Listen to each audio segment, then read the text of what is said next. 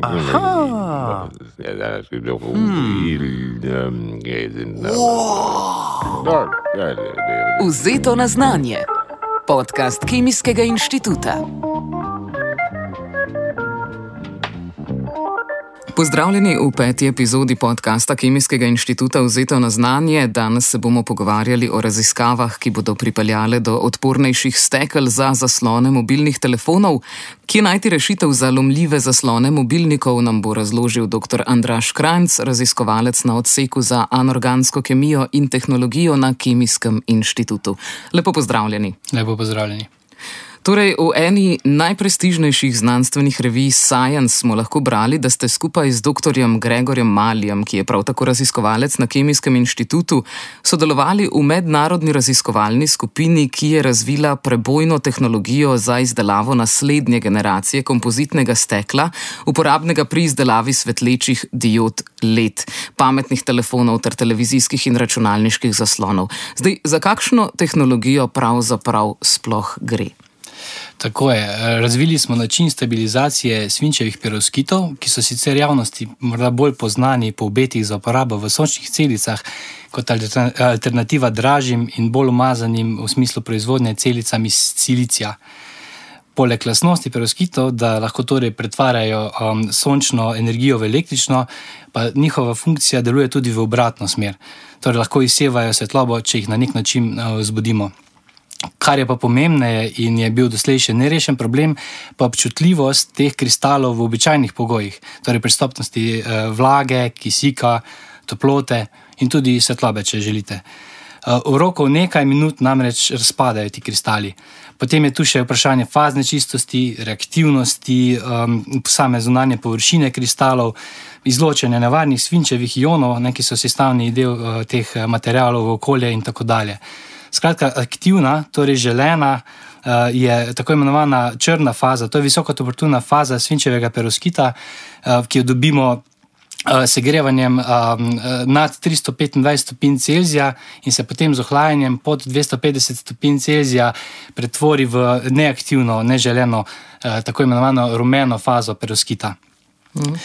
Zdaj, um, pravi potencial uh, peroskitov se je že v preteklosti veliko raziskoval in uh, bil je predvsem, uh, to so bile raziskave predvsem v zelo nadzorovanih laboratorijskih pogojih. V tej študiji pa smo pokazali, da je mogoče z uporabo še ene zelo zanimive nove vrste materialov, ki je širši javnosti manj znana, saj je bila odkrita zgolj pred približno šestimi leti, uh, mogoče te uh, perovskitne nanokristale zaščititi ne, in pripraviti kompozit. Tu gre za kovinsko-organska stekla. Ne. In morda še nekaj besed o tej eh, novi, eh, no, novi vrsti materialov. Ne. Poleg Poleg v javnosti bolj znanim anorganskim steklom, ne, to so običajna stekla, ki jih srečujemo, pač, ko pogledamo skozi okno. Ne, uh, obstajajo še recimo organska stekla, to so pleksi stekla. Um, Potem uh, kovinska stekla, ki so bila uh, odkrita predtem in, sicer že davnega leta 1960, in so prav tako zelo zanimiva in obetajo veliko, uh, saj se uh, ravno tako v primerjavi z kovinskim kristalom, ne, navadnim kovinam, uh, mehanske lastnosti teh materialov m, precej izboljšajo. Ne. Pri samem steklu gre za to, ne, da uh, v bistvu, ko uh, se gremo uh, sam kristal nad temperaturo tališča, um, dobimo potem to tekočinsko fazo, in če hitro ohlajamo, se dejansko to stanje, se pravi ta razporeditev atomov, zamrzne. Ne? In kaj se tu zgodi? Ne? Eh, Dejansko se zabrišejo meje, ki smo jih imeli prej pri kristalinični snovi. In na ta način se seveda te mehanske lastnosti precej izboljšajo. Ne? Uh, Hkrati pa tudi rešimo problem uh, samega oblikovanja uh, materialov. Ne, se pravi, to je velik problem tudi, ne, kako oblikovati v neke uporabne oblike, ne, kot lahko recimo danes iz anorganskih stekel oblikujemo kozarce in ostale, ostale predmete. Um, no, kovinsko-organska stekla uh, pa nastanejo v bistvu segrevanjem uh, še ene zanimive vrste materialov, ki je čisto ločena veja v znanosti in je zelo, zelo um, hitro razvijajoča, to so kovinsko-organski prozni materiali. Um, ti materiali uh, ponujajo izredno uh, visoko um, dostopno uh, površino. Ne? In to je v kemiji zelo pomembno. Ne? So pa zgrajeni uh, v bistvu iz kovinskih centrov, ki so povezani med sabo prek organskih linkerjev, tako jim rečemo. Ne? In uh, na ta način je možno kombinirati res veliko gradnikov, in danes obstaja že preko 70 tisoč, recimo, kovinsko-organskih poroznih materijalov. No, nedavno nazaj pa so ugotovili, da je možno s segrevanjem enega podtipa teh kovinsko-organskih poroznih materijalov um, doseči temperaturo tališča, preden pač ta uh, material razpada. Ne.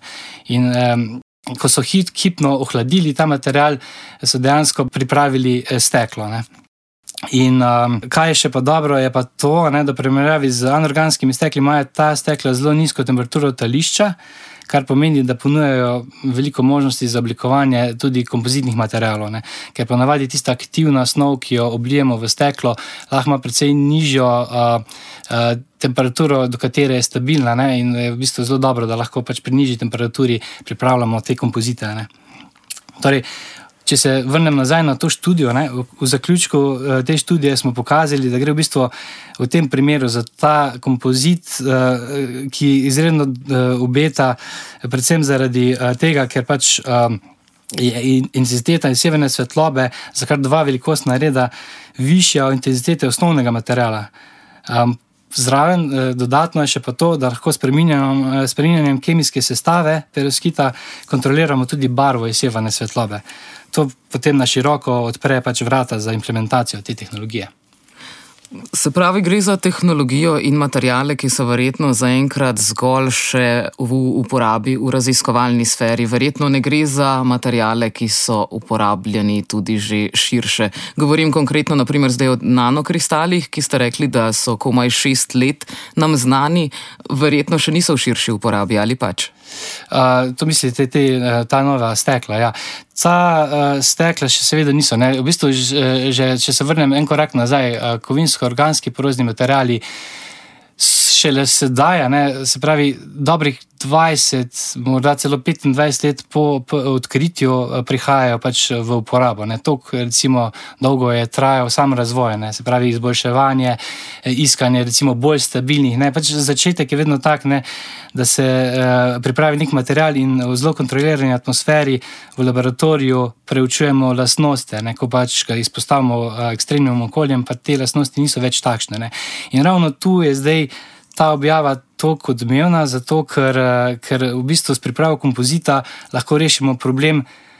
Peruskito, ker peruskiti so tudi v laboratoriju kazali zelo, zelo velike obete za širšo uporabo, predvsem pač v fotovoltaiki. Ampak um, dokler ni bil rešen ta problem stabilnosti, dejansko niso uporabni praktično pač za, za eh, vse splošno uporabo. Kako zahtevno jih je pa pridobivati oziroma sintetizirati minerale perovskitov? Je to dostopen, poceni, mogoče trajnosten material? Ja, dejansko uh, ljudje bi si bi najraje slišali, da pač lahko gremo v nek rudnik in izkopljemo in tisti material uporabimo.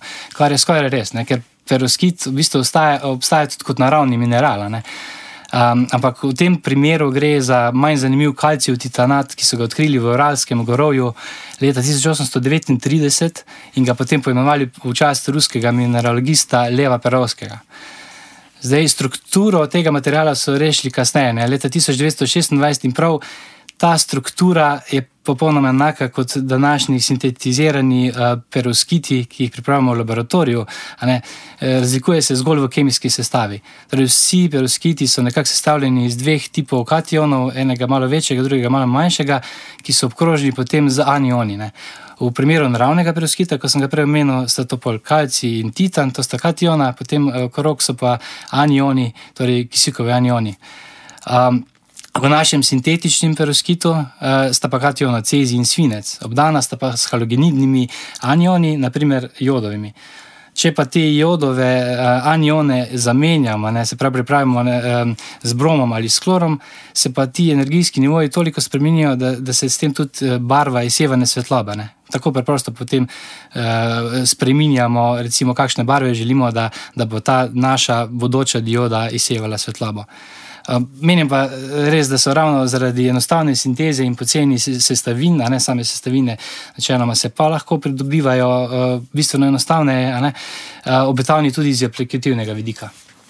Sej, to vrstni perovskiti, s katerimi delate vi, so pravzaprav v znanosti že 20-30 let.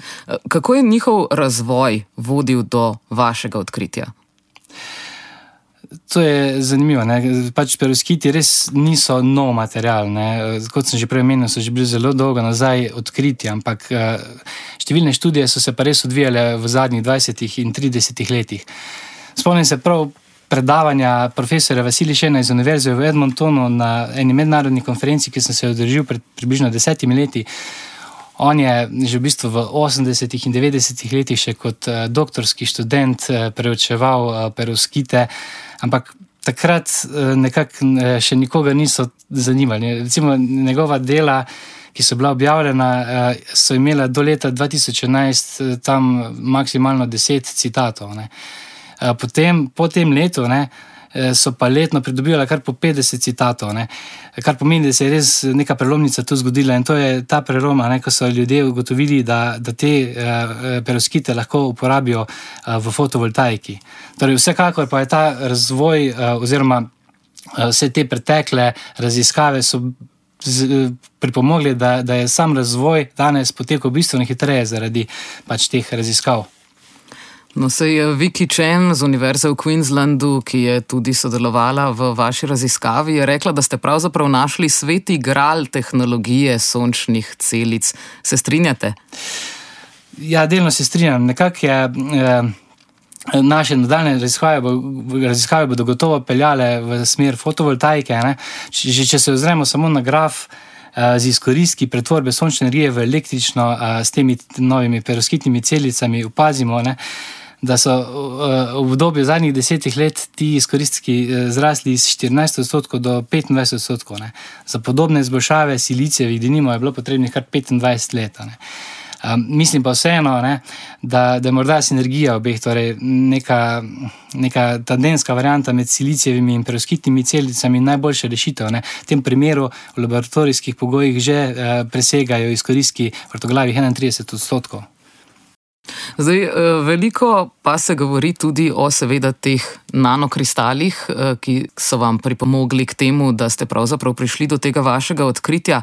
Ampak, čim začnemo govoriti o nanodelcih, se ljudje nasplošno pogosto prestrašijo, kot da gre to za neke superdelce, ki bodo. Tako kot verjamejo za umetno inteligenco, nekoč razvili svojo miselnost, zauzeli svet, postali zlobni. Kako pa resnično v vašem primeru delujejo ti nanodelci, kje zares tiči njihova inteligenca oziroma njihova uporabna moč? Ja, eh, seveda, jaz v to ne verjamem, ne, da, da, eh, da so res. Eh, da bodo nas prevzeli z inteligenco, ne? ampak dejansko, verjetno je tle večja bojazen, da, da so nam nanodelci lahko nevarni. Ne? Mm, predvsem iz stališča uh, vnosa v telo, ne, se pravi, ali prek kože ali prek dihala, ne, ker jih telo pač precej teže odstrani. Um, Zdaj uh, je pa težko na splošno definirati, uh, kako delujejo nanodelci, saj to pač zavisi od same sestave nanodelcev. Ne, kar je pa v kemiji res neizpodmitno, je pa to, da se reakcije odvijajo na površini in če zmanjšaš velikost delcev, ne, povečaš dostopno površino. Podobno velja za uh, peroskitne nanodelce. Pač zaželeno je, da so čim manjši. Uh, v literaturi se tudi pojavlja izraz kvantum uh, dots oziroma kvantne pike. Zdaj, zaradi zelo majhnih dimenzij ne, se razlikujejo od recimo, temo, večjih bratov, torej delcev enake sestave, pač večjih po velikosti, eh, predvsem po tem, da so manj izraziti kvantno-mehanski pojavi v tistih večjih delcih. Torej, v teh manjših imamo kvantno-mehanske pojave, dnimo elektroni in verzeli so v teh polprevodniških. Um, materialih bolj skoncentrirani. Ne. In tle je bistveno močnejši potem efekt, uh, ki ga opazimo. Uh, zdaj pa pogosto pa je problem tudi um, ta uh, aglomeracija nanodelcev, ki se pač skepljajo. In potem pač te lastnosti zbledijo, tudi rokovanje z njimi je bolj nerodno. Skratka, um, v tem omenjenem uh, kompozitu, ki ga pač, uh, smo mi študirali, uh, je, je pa, so pa nanodelci zaščiteni v steklasti matrici, ne, ki hkrati tudi prepreči izločanje svinca okolja. Jaz tu ne vidim nobenega problema, kar se varnosti tiče um, teh uh, novih stekel. Kje pa vidite, naprimer, uporabnost eh, tega, kar ste eh, ravno kar omenili, pravzaprav celotne vaše raziskave? Eh, kaj se bo v bistvu z uporabniškega stališča sploh spremenilo? Bomo res imeli nekoč nezlomljive telefone? Zdaj, eh, mogoče najprej eh, pojasnim, eh, kaj se bo pravzaprav spremenilo. Denimo, mogoče je v tem primeru potrebno eh, pogledati, kako so danes zgrajeni zasloni. Ne? Imamo pač dve eh, prevladujoči tehnologiji, to je konvencionalna LCD tehnologija zaslona in eh, malo novejša eh, OLED eh, tehnologija. Zdaj, obema, obema tehnologijama je skupno to, ne, da je eh, v ozadju nek eh, vir bele svetlobe. Ne, In ta eh, bela svetloba je usmerjena preko barvnega filtra. Ne? In ti barvni filter je sestavljen v bistvu iz treh, eh, treh filtrov, sproti rdeče, modre in zelene. In potem zgolj s preminjanjem intenzitete presevane svetlobe eh, lahko pač produciramo katero koli želeno barvo. Ne? In um, zdaj. Uh, Eh, recimo v, konkretno v OLED zaslonih, za osvetlitev poskrbijo posebni organski moduli, eh, s katerim izsevano intenziteto potem lahko spremenjamo tudi s preminjanjem električnega toka. Zato pač ne potrebujejo tekoče kristalne matrice oziroma LCD panela tik za svetlobnim verom, kot je to pri običajnih LCD zaslonih. V obeh primerih, torej pri obeh tehnologijah, um, pa je za filtrom še zaščitno steklo. Zdaj pa naj omenim, da skozi vse te plasti pride zgolj okrog 8 odstotkov svetlobe, ki jo ustvari pač osvetlitev zadja. Uh, zato so energijsko izjemno neučinkoviti. Največ eh, te svetlobe pa se izgubi prav skozi te zadnje dve plasti. In z novo tehnologijo, um, torej s temi novimi kompozitnimi stekli, ki vsebujejo peroskitne nanodelce, bo pa mogoče plas filtra in stekla nadomestiti s kompozitnim steklom, ki te uh, aktivne peroskitne nanodelce vsebuje. Kje vse bo torej ta tehnologija uporabna? Verjetno ne bo uporabna samo za telefone in ekrane. Um, jaz mislim, da na začetku uh, je najprimernejši kandidat za uporabo, seveda, prenosni telefoni, ki so najbolj podvrženi raznim uh, dejavnikom, um, pa tudi proizvajalci na tem um, v tej industriji iščejo praktično uh, izboljšave, nove tehnologije, pač, da bi z njimi tudi pripričali kupca v zamenjavo starega aparata. Uh, stremijo tudi k boljši sliki, nižji porabi, torej daljši avtonomiji uh, baterije uh, pre, prenosnega telefona. Um, je pa ponavadi tako, ne, da če se neka tehnologija hitro uh, um, izkaže za, za superiorno, v večjih pogledih se potem razširi še na ostala področja uporabe. Pač prednost uh, teh um, displejev bo zagotovo pač boljša reprodukcija barv, lepša slika, uh, večja svetilnost zaslonov. Če pa gremo še malo dlje v prihodnost, um, pa so to najverjetneje hibridni zasloni, um, ki bodo pač delovali kot sončne celice in proizvajali elektriko, ko zaslon ne bo uporabil.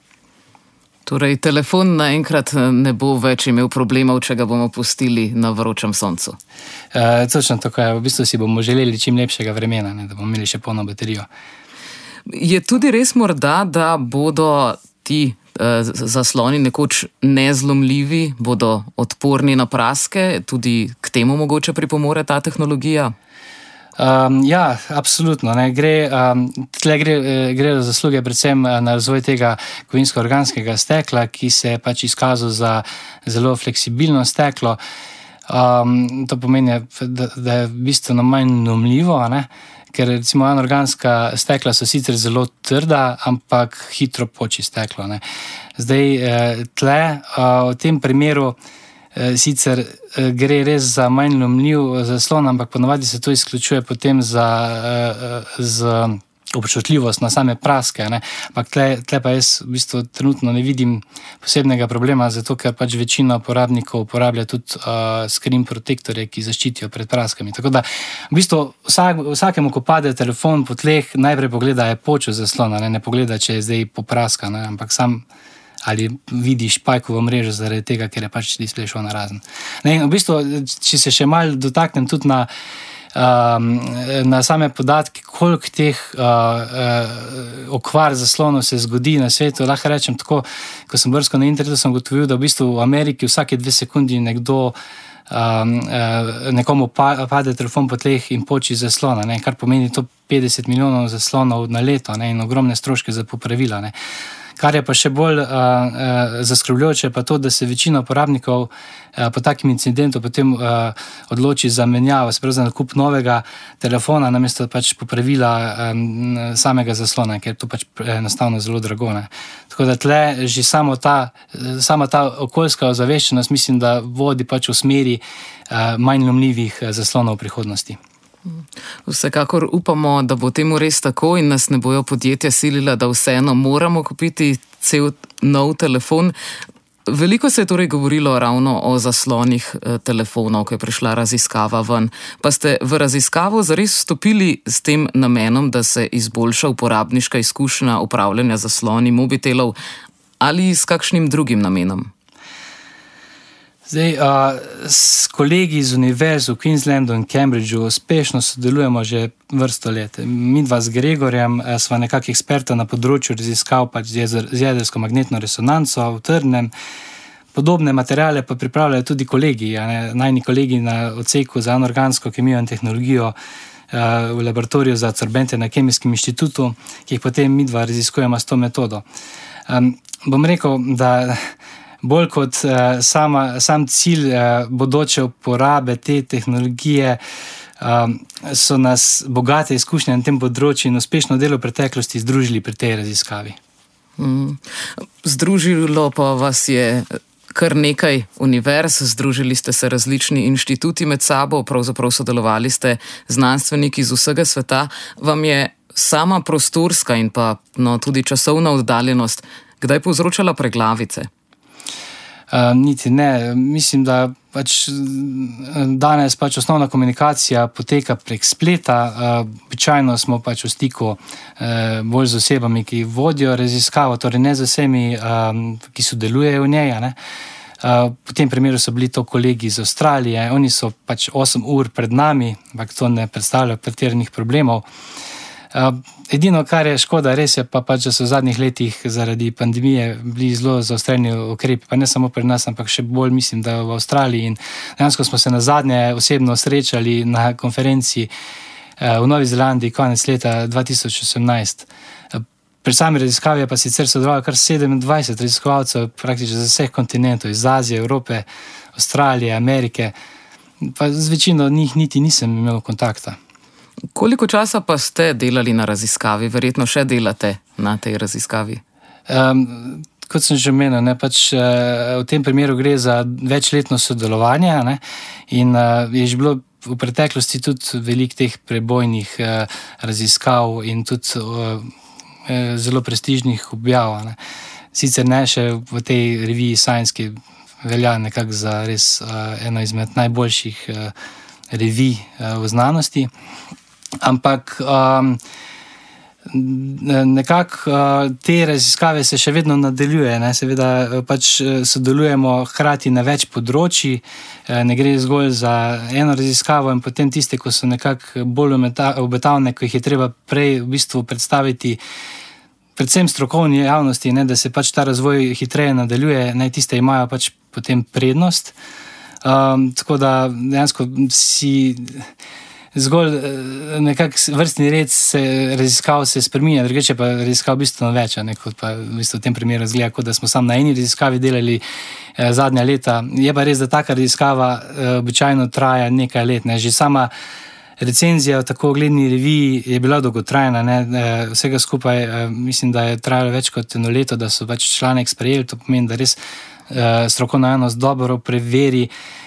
In, in si res pod preizkušnjami, še kakšne eksperimente dodatne moš izvesti. No, in enega smo lahko tudi tekom te dolgotrajne objave, lahko, in to je bila glih ta um, stabilnost teh materijalov na daljši rok. Ne. Se pravi, izpostavili smo ga ekstremnim pogojem za 10.000 ur, in v bistvu svetilnost uh, je padla zelo malo v tem času.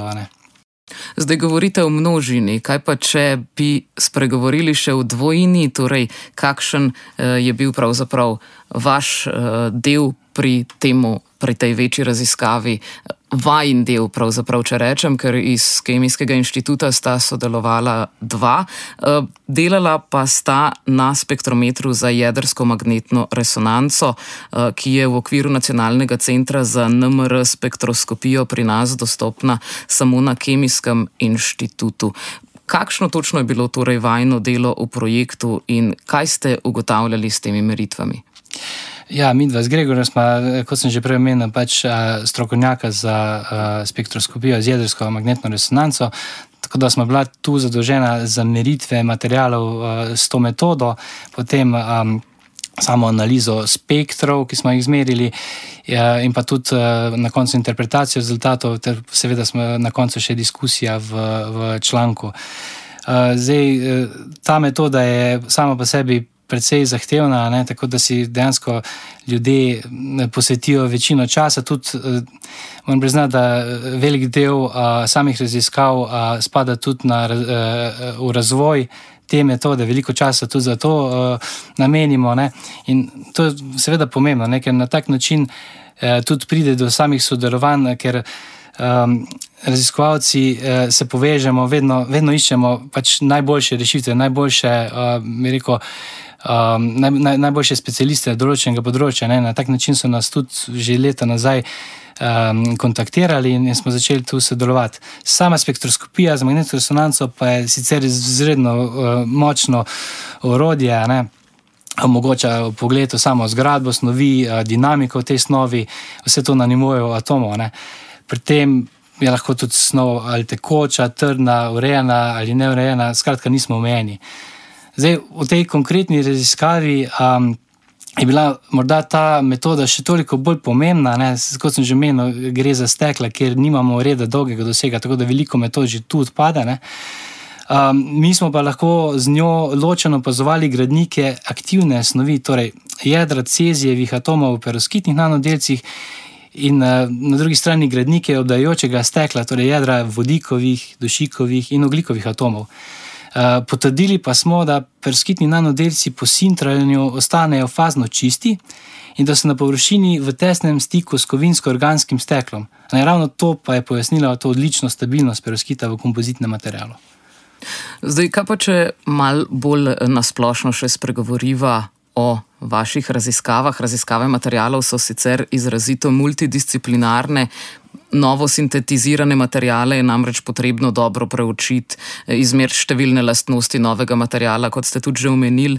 Eh, vi ste specialist sicer za nuklearno magnetno resonanco, bi nam mogoče lahko razložili. Osnovni princip teh tehnik, s katerimi preučujete materijale, in kakšen pogled v snov, eh, v smislu strukture, stabilnosti, dinamike, nam lahko ponudi ta nuklearna magnetna resonanca.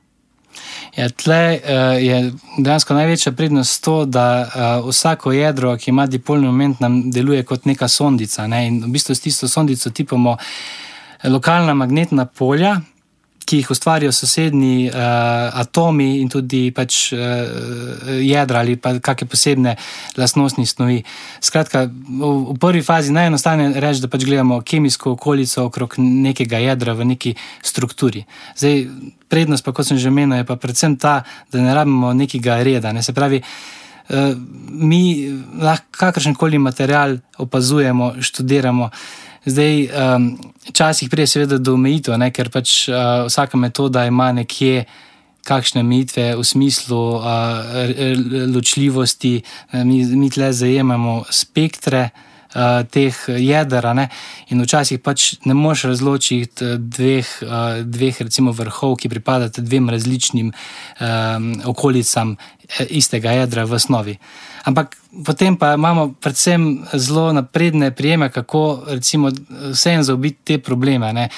In um, številne, številne eksperimente. Tukaj imamo res bogat nabor nekih um, sekvenc. Ne? Mogoče sem pozabil omeniti, da pač dejansko uh, te vzorce zapakiramo v take rotorje in tiste rotorje ustavimo v samo sondo in jih hitro vrtimo. Ne? To je vse z namenom, da se določene interakcije odstranijo v osnovi in potem lahko posebnimi pristopi te reakcije nazaj aktiviramo in jih študiramo. Ne? Na tak način to deluje in res tle. Razvoj še vedno poteka, uh, in uh, praktično, res skoraj pač za vsako stvar se da s to metodo, um, vsaj poskusiti uh, nekaj ugotoviti, nekaj naumiti. Se pravi, da se vsaj nekaj, vendar smo pa lahko brali, da z dr. Maljem vseeno upata na posodobitev vašega glavnega inštrumenta. Kaj bi lahko še izboljšali, če bi prišlo do te posodobitve? Um, ne omenim, da pač med vsemi spektrometri, ki delujejo v okviru uh, NMR centra, um, skupaj jih imamo šest, um, je ta, ki je namenjen za študije materijalov in je praktično za sedem, sedem dni v letu uh, najstarejši in že nekoliko zastarevan. Ne. Tle uh, odsot tendenca potem, da bi bilo smiselno posodobiti, ker pač nikoli ne veš, uh, če, kdaj bo ta naprava tudi. Um, še zadnji spektr zajela. Gre, gre se za to, da pač eh, pri tako starih napravah dejansko nimaš potem več podpore proizvajalcev, dejansko ti proizvajalec sploh ne, eh, ne izdeluje več teh spektrometrov, ne so drugi prevzeli uh, ta del. Ne. Tu je velika nevarnost, ne, ker v bistvu, če. Danes pride do težave, jutri nimamo več te naprave, to je ena stvar. Smo odvisni zgolj od enega spektrometra. Novi spektrometri, po drugi strani, imajo pa neke zanimive lastnosti, oziroma neke novosti, ki jih je razvoj te metode prinesel v zadnjih letih. In predvsem je tu za omeniti uh, možnost izvajanja in situ meritev v širšem območju temperatur. Dejansko v teh materijalih bi lahko gledali uh, um, uh, snov v tekočem stanju, ne, če bi bili uh, zmožni iti temperaturo dovolj visoko. Ne. Trenutno nam ta naprava ne omogoča. Potem pa tudi pri prisotnosti različnih tlakov, uh, različnih plinov, ne le bi študirali pač uh, same reakcije in situ reakcije. Um, Skratka, tak sodobni eksperimenter, eh, eh tak sodobni spektrometer eh, ima pa danes tudi še neke dodatne eh, bombončke. En izmed njih je oprema za prenos polarizacije sistema elektronov na sistem jedra. Ne. Ta pa omogoča tudi več stokratno večitev NMR signala. No, tu se pa potem odpre tudi pot do pomembnih raziskav površin delcev. Jaz mislim, da pač s našim znanjem eh, bi lahko zelo dobro izkoristili novo opremo. Ja, sliši se res, kot da imate ne samo že velik nabor projektov, ampak tudi potencialno še večji nabor projektov. Do zdaj smo se recimo malce bolj naslanjali na odmevno študijo, ki ste jo ustvarili in objavili v reviji Science. Ampak kateri drugi projekti pa vam trenutno še zaposljujejo misli, glede na to, da imate veliko možnosti in kot ste dejali, ste pravzaprav upleteni v več projektov naenkrat, tudi s to raziskovalno skupino. Um, ja, uh, v bistvu sodelujemo s številnimi raziskovalnimi skupinami in um, praktično vse so vrhunske. In tudi uh, moram pohvaliti tudi našo skupino, ki pripravlja materijale uh, v laboratoriju na Kemijskem inštitutu. Ne, mi dejansko uh, smo zelo usmerjeni v razvoj nanoproznih materijalov, ne, to so zeoliti, aluminij, fosfati, tudi kovinsko-organski porozni materijali, ne, ki, ki so v bistvu. Um, nekako uh, predhodniki teh stekel. Um, in uh, fokus je pa tle mogoče mečkan drugačen, ne? gre bolj za uh, ciljno uporabo teh materijalov za shranjevanje sončne energije in odpadne toplote, tudi ohlajanje stavb, črpanje vlage iz zraka, recimo za pridobivanje pitne vode v okoljih, kjer, kjer jo primankuje potem tudi uh, same katalitske reakcije, uh, uporaba teh materijalov v senzoriki, dostavi zdravil. In še veliko, ne, da bi še tu našteval. Pač same pojave, ki jih najpogosteje študiramo, um, so pa v bistvu mehanizmi um, adsorpcije, Uh, torej, tu gre za študij interakcije med ujetimi molekulami in samim ogrodjem. Preučujemo pa tudi strukturne defekte, ki so če dalje bolj pomembni. Uh, da bi jih bolje razumeli, bi lahko recimo mnogo materijalov uh, tudi izboljšali. Um, ti defekti so pa lahko prisotni že po sami sintezi ali pa s kakimi posintetskimi um, uh, uh, uh, spremembami oziroma modifikacijami. Zdaj, študij novih, izboljšanih materijalov je seveda zelo zanimiv, uh, predvsem za komercialno uporabo. Koliko bi dejali, da se vaše znanstveno delo v bistvu prepleta tudi z industrijskimi potrebami? Oziroma, povedano drugače, kakšno je zanimanje za vaša znanja v zvezi z NMR strani industrije? Bi rekli, da bolj delate neke uh, projekte, ki so zanimivi za industrijo, ali neke projekte, ki bodo mogoče šele čez nekaj korakov naprej zanimivi za industrijo? Uh, še vedno gre za zelo temeljne raziskave.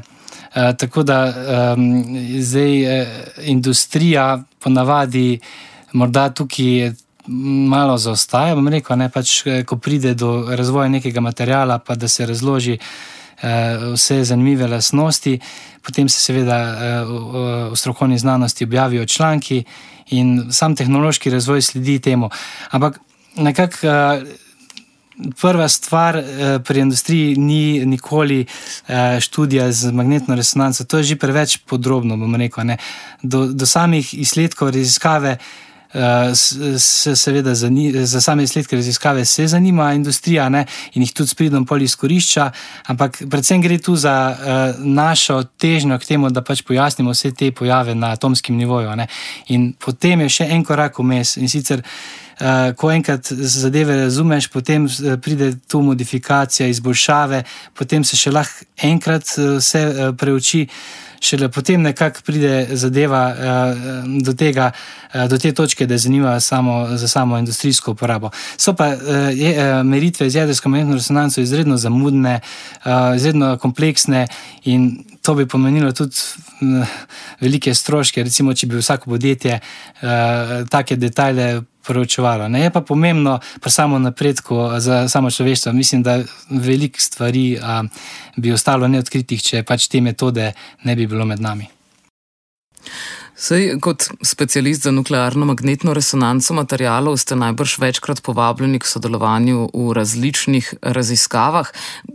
Eh, bi rekli, da je težko uskladiti tiste zanimanja in raziskave, eh, ki so vaša lastna, s sodelovanjem v drugih raziskavah in pričakovanji drugih raziskovalcev.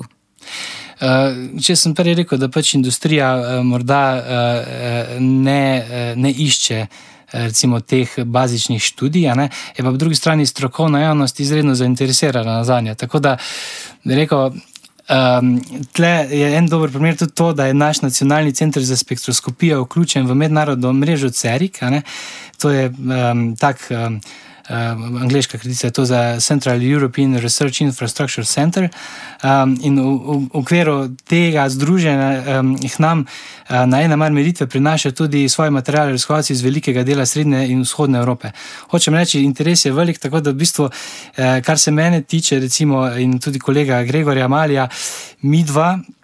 Dejansko dobimo veliko uh, interesa, oziroma prošen za kakšne študije, ampak uh, na koncu je treba tudi narediti neko selekcijo, ne? ker eh, dejansko imamo to možnost, da, da se osredotočimo predvsem v tiste raziskave, ki so nam bolj zanimivi.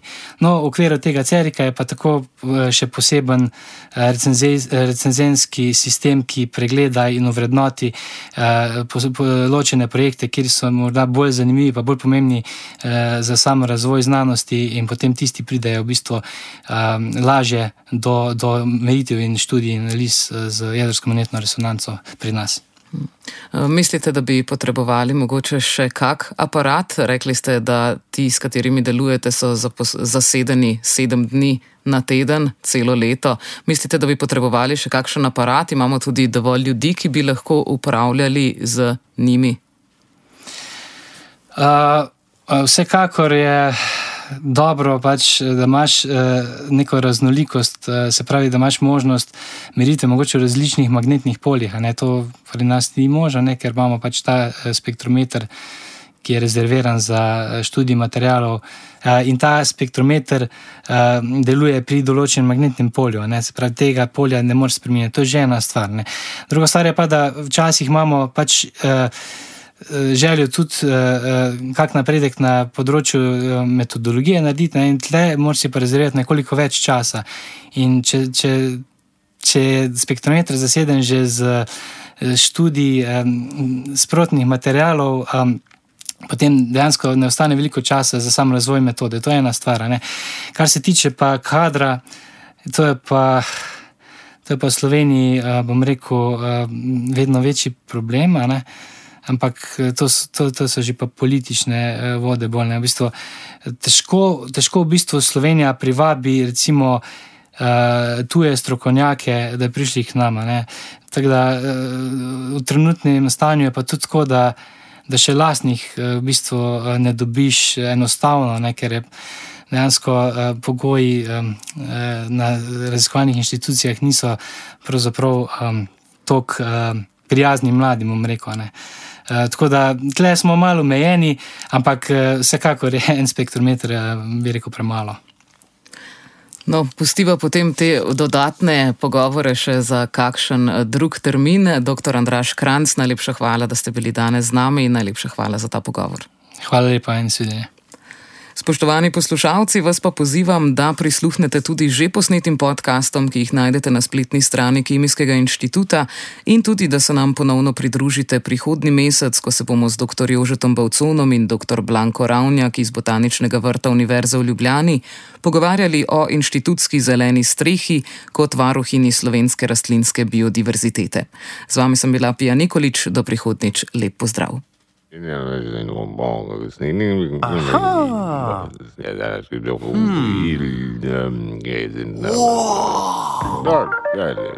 Vzeto na znanje. Podcast Kemijskega inštituta.